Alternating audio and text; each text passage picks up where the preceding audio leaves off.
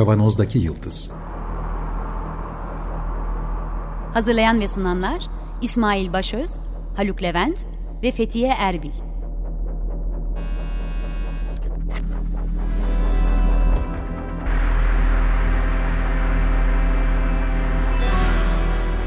Bugünün penceresinden geleceğin ayak izleri. Merhabalar 95.0 Açık Radyo'dan Kavanoz'daki Yıldız programının herkese merhaba. Bugün ben Fethiye ve Haluk buradayız. buradayız. İsmail yurt dışında. Evet, bugün çok heyecanlandığımız bir konuğumuz var. Çok uzun zamandır böyle e, davet etmeyi planladığımız, aramızda görmek istediğimiz e, Sema Dumanlı Oktay hocamız bizimle. Hoş geldiniz hocam. Hoş bulduk. Çok teşekkürler davetiniz için. Çok kısaca böyle hocamız hakkında bilgi vereyim. Sonra sohbet sohbet edecek çalışmalarından e, birlikte konuşacağız çalışmalarını diye düşünüyorum.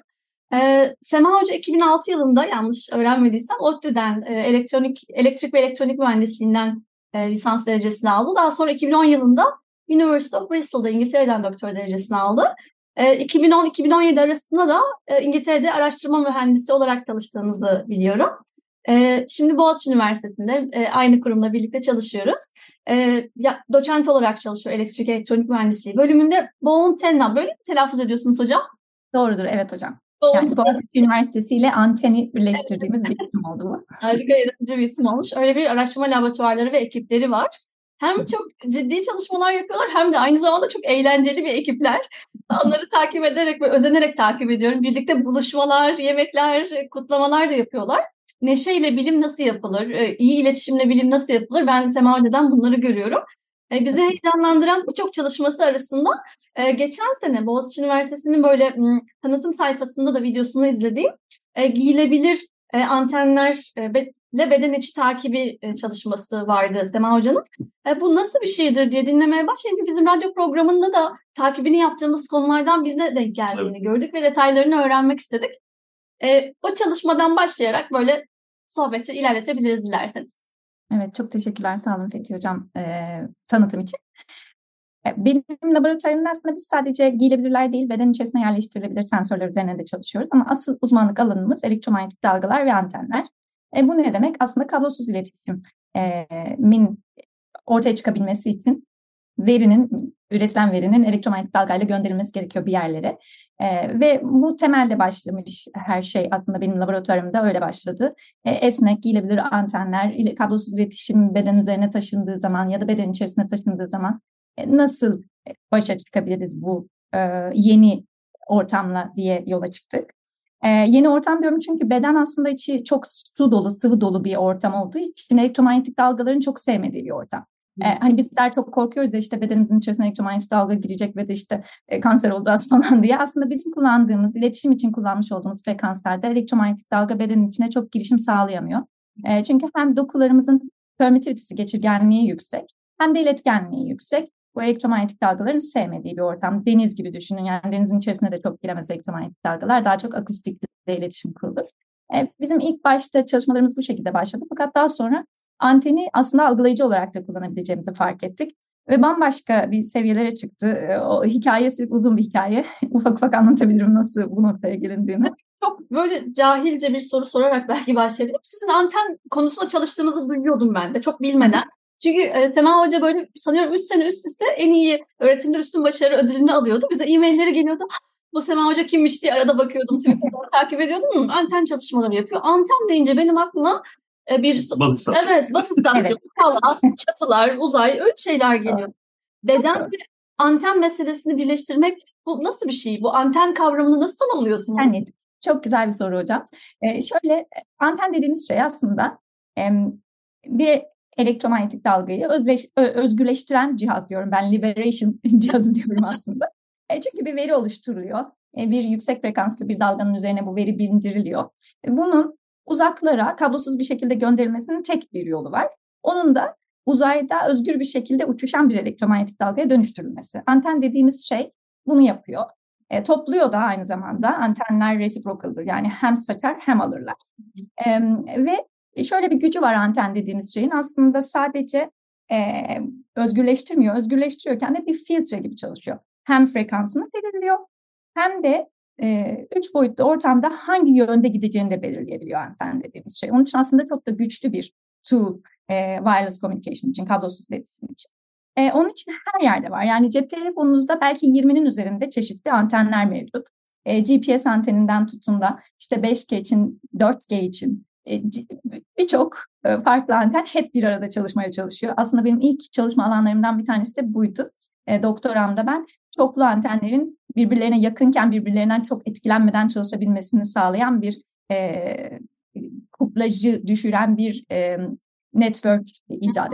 Hı hı. E, sonradan birazcık da bedenli olan etkileşimi de onunla çıktı. Çünkü e, küçük cihazlarda, mobil cihazlarda, telefonda bir sürü anten yan yana konulduğu zaman birbirlerini etkiliyorlar. Bir de siz de telefonunuzu elinize aldığınızda da e, aslında anteninizi çok etkiliyorsunuz. Çünkü az önce bahsettiğim gibi insan bedeni anteni çok etkileyen bir şey. Anten dediğimiz şeyin böyle bir fiziksel boyutu var. Hı hı. Ama o fiziksel boyutun ötesinde de bir boyut var. Yani yakın alan diyoruz biz buna. Ve siz onun yakın alanına girdiğiniz an onu etkilemeye başlıyorsunuz ve çalışmasını negatif yönde büyük ihtimalle etkiliyorsunuz. İşte kafanıza koyduğunuzda cep telefonunuzu elinize aldığınızda antenin çalışmasını e, genellikle dediğim gibi negatif yönde etkilemiş oluyorsunuz.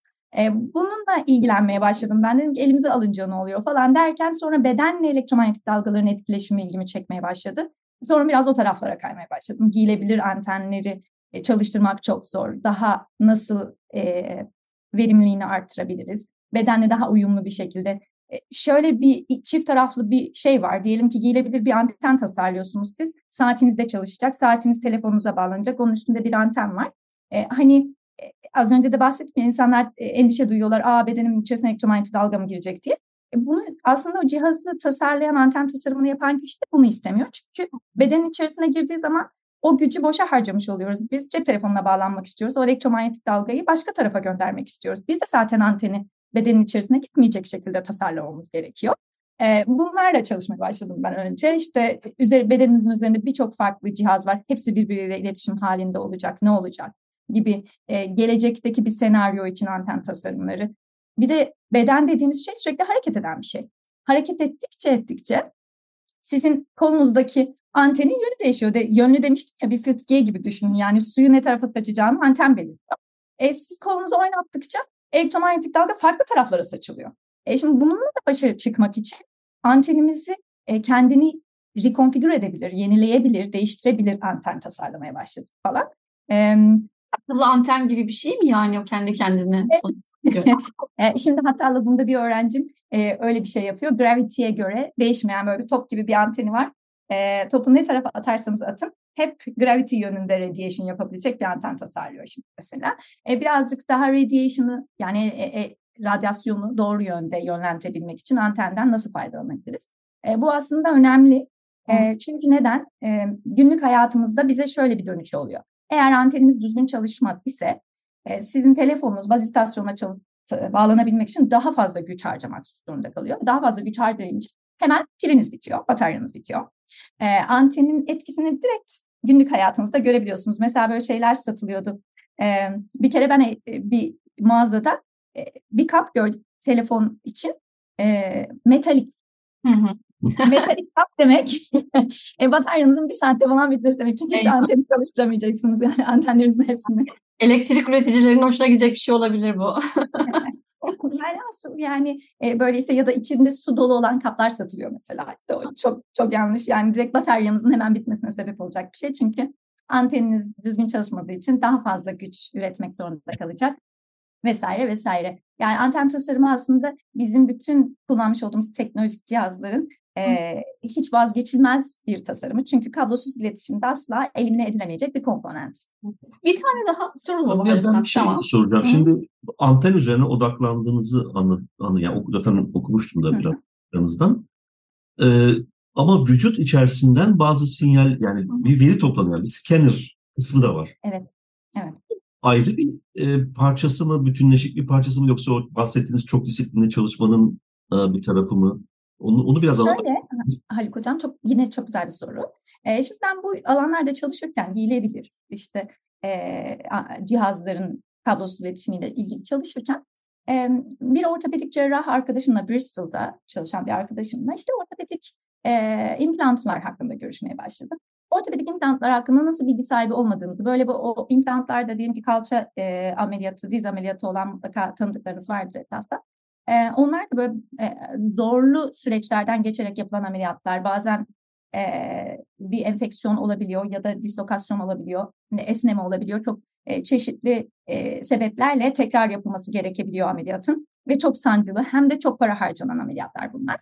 E, onlar bu konuda bir adım atmak istiyorlardı ve diyorlardı ki biz bu ortopedik implantları akıllı yapsak birazcık daha e, dislokasyon olacağını önceden bilse de e, hani biz e, o kemiğe e, geri dönüş olmayan bir zarar vermeden e, haberini alabilsek bunun. E, bunun üzerine ben birazcık daha onu akıllı yapmak, işte onu kablosuz bir şekilde dışarıya bağlamak, içeriden veri toplamak üzerine çalışmaya başladım. Bunu yaparken Toshiba'da çalışıyordum işte İngiltere'de. E, veri toplamak istiyoruz bedenin içerisinden.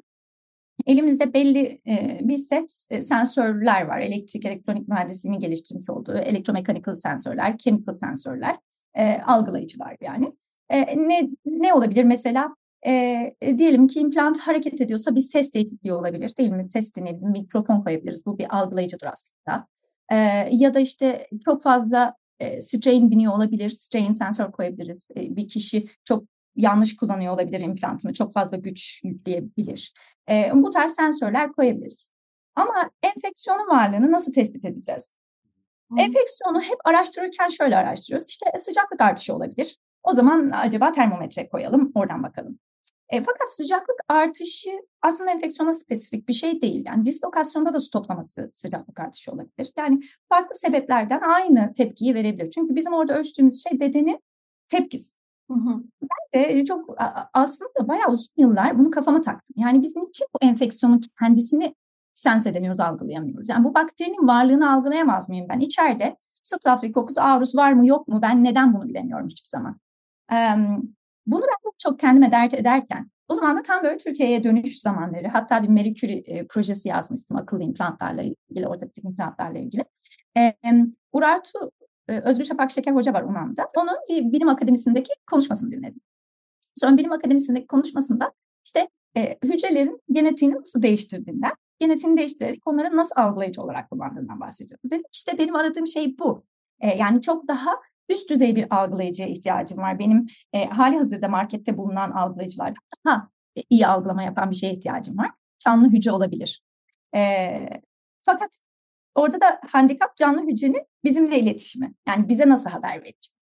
E, bu noktadan doğan bir e, güzel bir fikir oldu. Ben dedim ki işte bu canlı hücreleri dışarıya nasıl varız, komünikasyon kurarız, dışarıya bu datayı aktarırız. Çünkü bu zamana kadar kullanılmış olan e, canlı hücrelerin genetiği değiştirilerek yapılmış olan algılayıcılar genelde e, bakteriyle yapılan algılayıcılar ve optik olarak data veriyor. Yani bir molekül varsa eğer bakteri e, fluorescent e, olabilir, luminescent olabilir bir ışık saçıyor. Hı hı. Onu gözünüzde görüyorsunuz. Bu e, iletişim tekniği bu. Fakat beden içerisinde benim ışık görmem mümkün değil. Bedenimiz opak. E, bunu nasıl sağlarız? Nasıl sağlarız? ben dedim ki bir canlı antenimiz olsun, Antena Alive diye bir konsept geliştirdik. O, bu zaten konsept üstüne artık dört yıldır öğrencilerimle ve işte ortaklarımla birlikte çalışıyoruz. Çok güzel çalışmalar yapıyoruz. Asıl kaynağı bu noktaydı yani. E, orada işte Haluk Hocam'ın sorduğu soruya geleceğim. Çok uzattım değil mi konuyu? Yok ben çok ilgiyle izliyorum. Çünkü bir sürü soru tutuyorum kafamda aynı zamanda. Tamamdır. E, şimdi burada işte bedenin içerisinde data toplayacak bir ajana ihtiyacım var benim. Bu ajanın ben bedenin içerisinde yaşamaya çok daha uygun bir algılayıcı bir e, cihaz olmasını istiyorum. E, bu can hücremi pasif bir antenle birleştirdiğim konsept, bu antenal konsepti bu. Pasif anten dediğim şey şu, sadece bir e, kondaktif, e, ta, düzgün tasarımlanmış iletken bir yüzey. Başka hiçbir şey yok. Yani pi yok, bir çip yok, hiçbir şey yok. Sadece bir iletken yüzey düşünün. Onun üzerinde de benim e, canlı hücrelerim var. Genetiği değiştirilmiş canlı hücrelerim var. Bu ikisinin birleşimi benim bedenimin içerisindeki ajanım. Canlı hücrelerim benim ölçmek istemiş, istediğim molekülün varlığında bir e, değişiklik oluşturuyor antenimde. Bu değişiklik fiziksel bir değişiklik. Hücresine göre değişiyor. Bizim konseptimizin içerisinde şu an çalıştığımız iki farklı hücre var. Birisi bakteri hücresi. Bakteri hücresi benim antenimi tabiri caizse ben öyle konuşuyorum biyologlarla yiyor. Çünkü benim antenim magnezyumdan yapılmış. Bakteri magnezyumu eritiyor hızlı eritiyor da yavaş eritiyor. Fiziksel olarak değiştiriyor yani beden içerisindeki anteni. Ya da bir iskelet kasıyla yaptığımız algılayıcımız var. İskelet kası veya şey yapıyor, anahtarlama yapıyor ve benim antenimi değiştiriyor. Yani bir molekül geldiği zaman kas kasılıyor. Kas kasıldığı için de benim anten değişiyor. fiziksel değişimi ben beden üstündeki antenlerimle takip ediyorum. Böylelikle canlı hücre algılayıcılarımı bedenin dışına bağlamış oldum kablosuz bir şekilde. Cep telefonuma mesaj atmalarını sağladım diyorum ben ona. Evet, çok yani ilginç. Bir, e, ve de e, aslında bence en çığır açıcı noktası şu. E, bu zamana kadar kurgulanmış çok aslında akıllı implantlar çok var. Yani ben de yıllardır bu alanda çalışıyorum. O zamana kadar biz küçük kurguluyoruz. Yani işte elektronik bir cihaz var. Daha küçük yapalım. Bir de bir uyumlu yapalım, bedenin içerisine koyalım. Çok geleneksel bir mühendislik yaklaşımı iken burada aslında bedenin içerisinde yaşamak için zaten evrimleşmiş.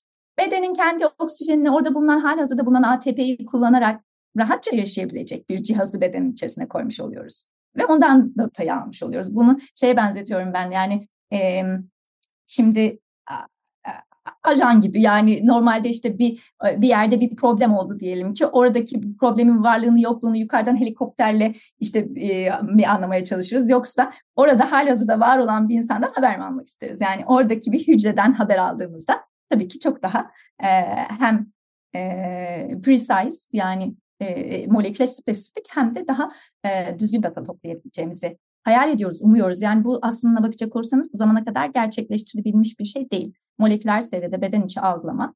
Biz de henüz daha gerçekleştiremedik. Ha, sadece güzel bir fikrimiz var ve üzerinde çalışıyoruz, geliştirmeye çalışıyoruz e, açıkçası. Şimdi anladığım kadarıyla şöyle yani tabii bu aslında çok e, bayağı da benim gördüğüm kadarıyla üzerinde çalışılan bir konu. IBM'de, Microsoft'ta falan bu hücre programlama cinsinden yani biraz sizinkinden daha dinamik, daha farklı e, şeyler var. Bir de tabii CRISPR teknolojisi e, çerçevesinde de herhalde onunla da değen bir noktası var. Şimdi yanlış anlamadıysam şöyle bir e, çözüm geliştiriyor. Bir statik bir yani statikten kastım mühendislik anlamında statik değil de değişmeyen bir şey var, anten var. O sürekli dışarıyla sinyal ya da onu detekt etmek mümkün. Dışarıdan dolayısıyla onun orada olup olmadığını gözlemliyorsunuz. Bir örneğimizden bahsediyorum sadece. Doğru. Ee, dışarıda metabolizmanın, mikrometabolizmanın içerisinde e, bir output olarak bunu yok eden, zarar veren bir bakteri olduğunda bu sinyal kesmeyi ya da bunu artık göremez duruma düşüyorsunuz ve oradan bir çıkarım mı yapıyorsunuz yoksa daha böyle e, yani bu bu kadar statik değil daha dinamik bir sürecim var. Şöyle e, aslında burada e, bakteri e, sizin az önce bahsin, e, bahsi geçen e, genetik circuit'ı değiştirilmiş bir bakteri. E, o bakteri hep var. Anten de hep var. E, o bakteri sadece benim takip etmek istediğim şey, içeride olan şey, bu kanser biomarkerının e, oluşması olabilir, e, glikoz olabilir, e, enfeksiyon, quorum sensing molekülü olabilir. Neyi e, takip etmek istiyorsam. O şey var olduğunda benim bakterim harekete geçiyor. Yani bakteri de bana ait. Ben onun genetiğini değiştirip onu bedenin içerisine koydum. Anladım. O bakteri o zaman e, belli bir markerı bulmak üzere programlanmış bir hücre gibi bir düşüncesi. Doğru, doğru. Tamam o zaman ama tamam. o zaman e, bir hastalığa özel mi yoksa sağlıklıyken de bizde olabilecek antenler mi bunlar mesela? Çok mu büyük bir soru ya da saçma bir soru bilmiyorum. Çok doğru bir soru. Şöyle, e, şöyle düşünün. Aslında bizim burada oluşturmaya çalıştığımız şey bu iki dünya arasında kablosuz iletişimi kurmak. E, ve bu platform aslında istediğimiz şey için tekrar engineer edilebilir. En minimum eforla engineer edilebilir.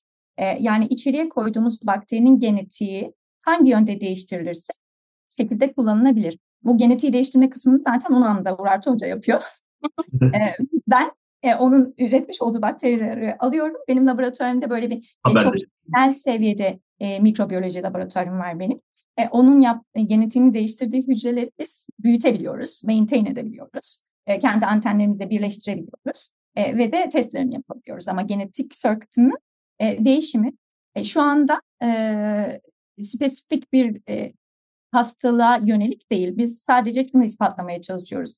E, ya genetiği değiştirilmiş e, bakterilerle sensing yapılıyor ama bunlar hiçbir zaman implant olarak e, kullanılabilmiş değil ya da birkaç e, çok farklı örnekleri var. Daha geleneksel e, elektronik cihaz e, gibi örnekleri var. Beden içerisinde yutulan kapsüllerin içerisine bakteri konulmuş.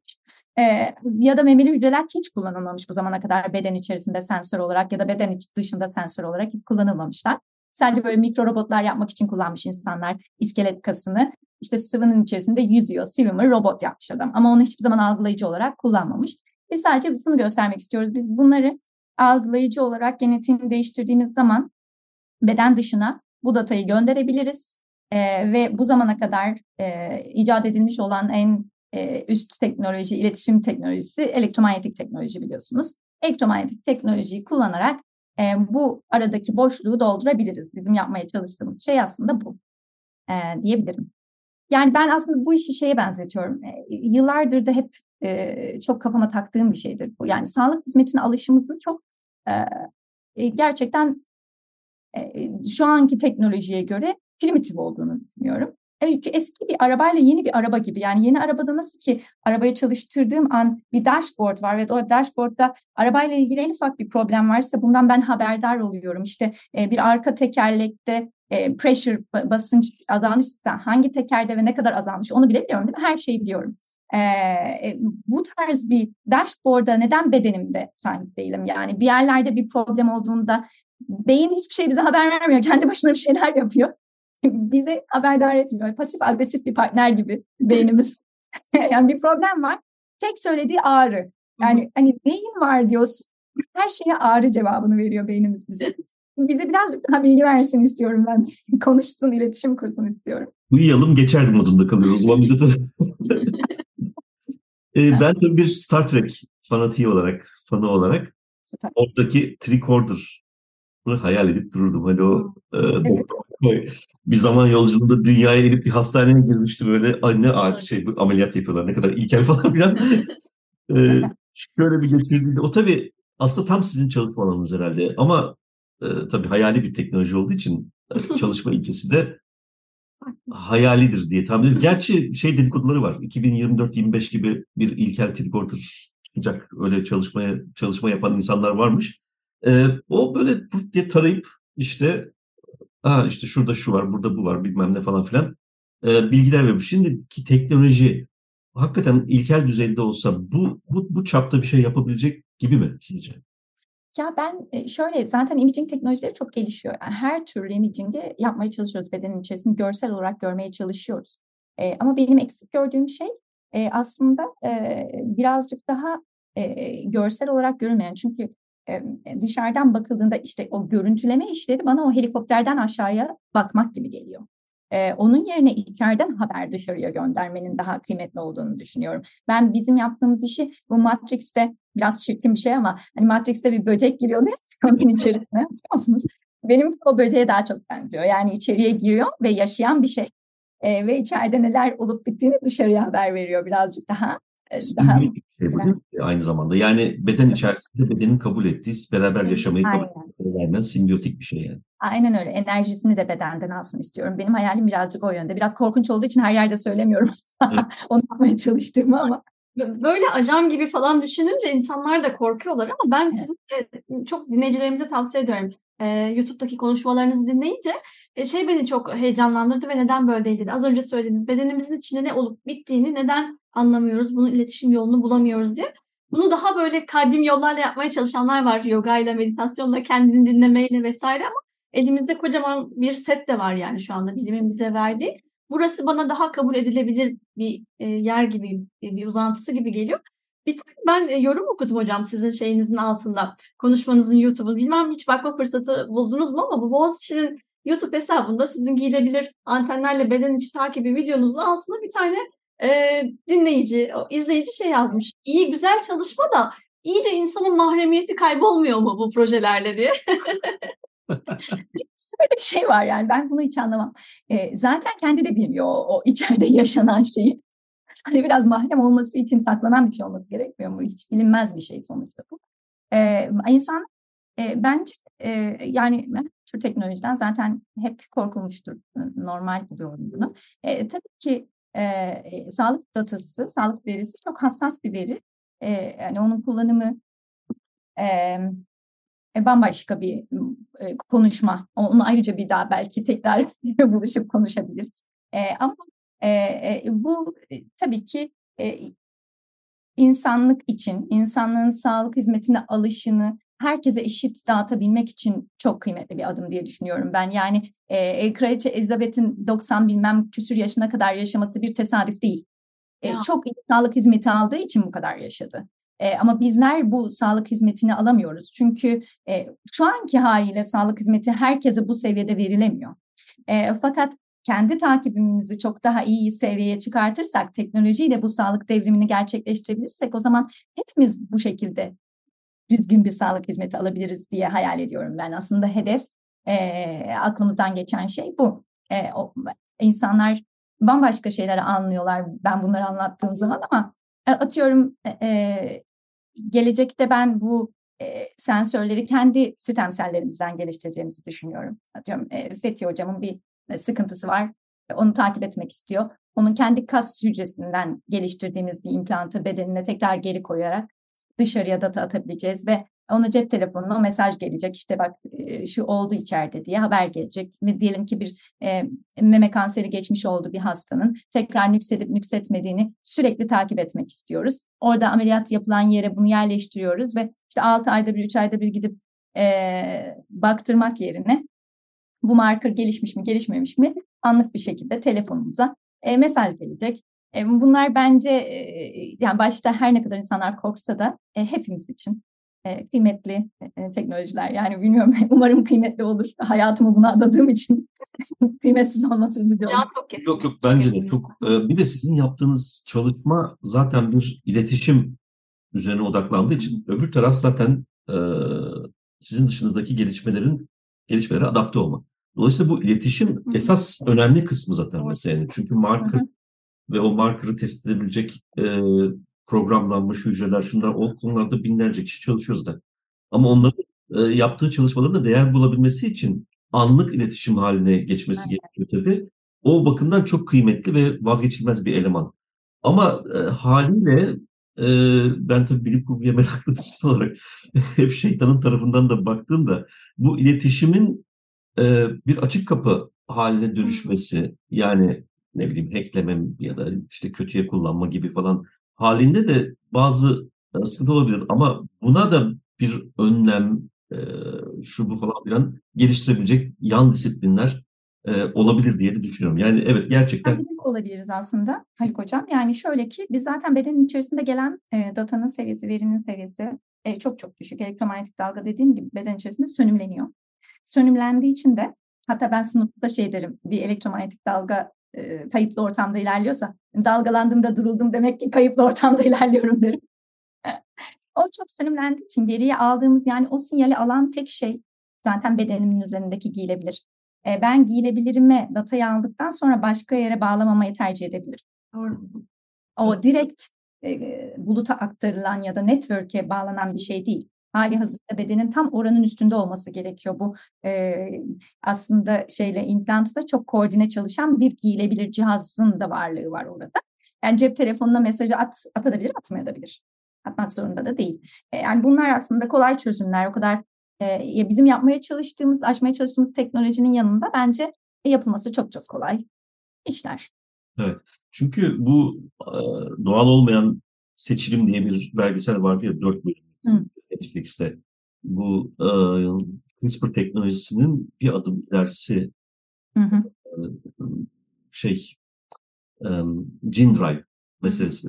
Yani onu mesela izleyince çok ürküyor insan haliyle. O yüzden söyledim ama bu arada da süremiz doldu. Evet evet. Sizin de e, zamanda bize vakit ayırdınız. Çok teşekkür ediyoruz.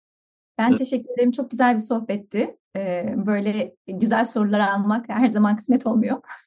Giriş olarak bunu kabul edelim. Sizi evet. yeniden programda görmeyi çok çok isteriz vaktiniz olduğunda. Tabii, tabii ki çok isterim. Ee, çok, tekrar çok teşekkür ederim davetiniz için. Ee, ve laboratuvarıma da beklerim. Vallahi ben çok heyecanlıyım geleceğim. Evet. Öyle bir imkan varsa gezmeye geliriz. tamam. Şimdi yeni bir laboratuvar daha açtık bu hücrelerin büyütülmesi için. E, o heyecanla onun açılışını yapmak için bekliyorum. Bir, bir ayımız falan var. Ondan sonra bu kas hücrelerini, e, dokuların gözle görebileceğiniz seviyede bunlar biliyorsunuz. Bu sensörleri gelip görebilirsiniz laboratuvarda. Tamam. Çok... Laboratuvar ziyaretinden sonra bir program daha bizi bekliyor belki. Belki laboratuvar. evet, evet. çok teşekkürler. Dinleyen herkese de çok teşekkür ediyoruz. İyi bir hafta sonu diliyoruz. Hoşçakalın. Destekçilere de çok teşekkürler. Teknik masadaki arkadaşlarımıza da teşekkürler. Hoşçakalın.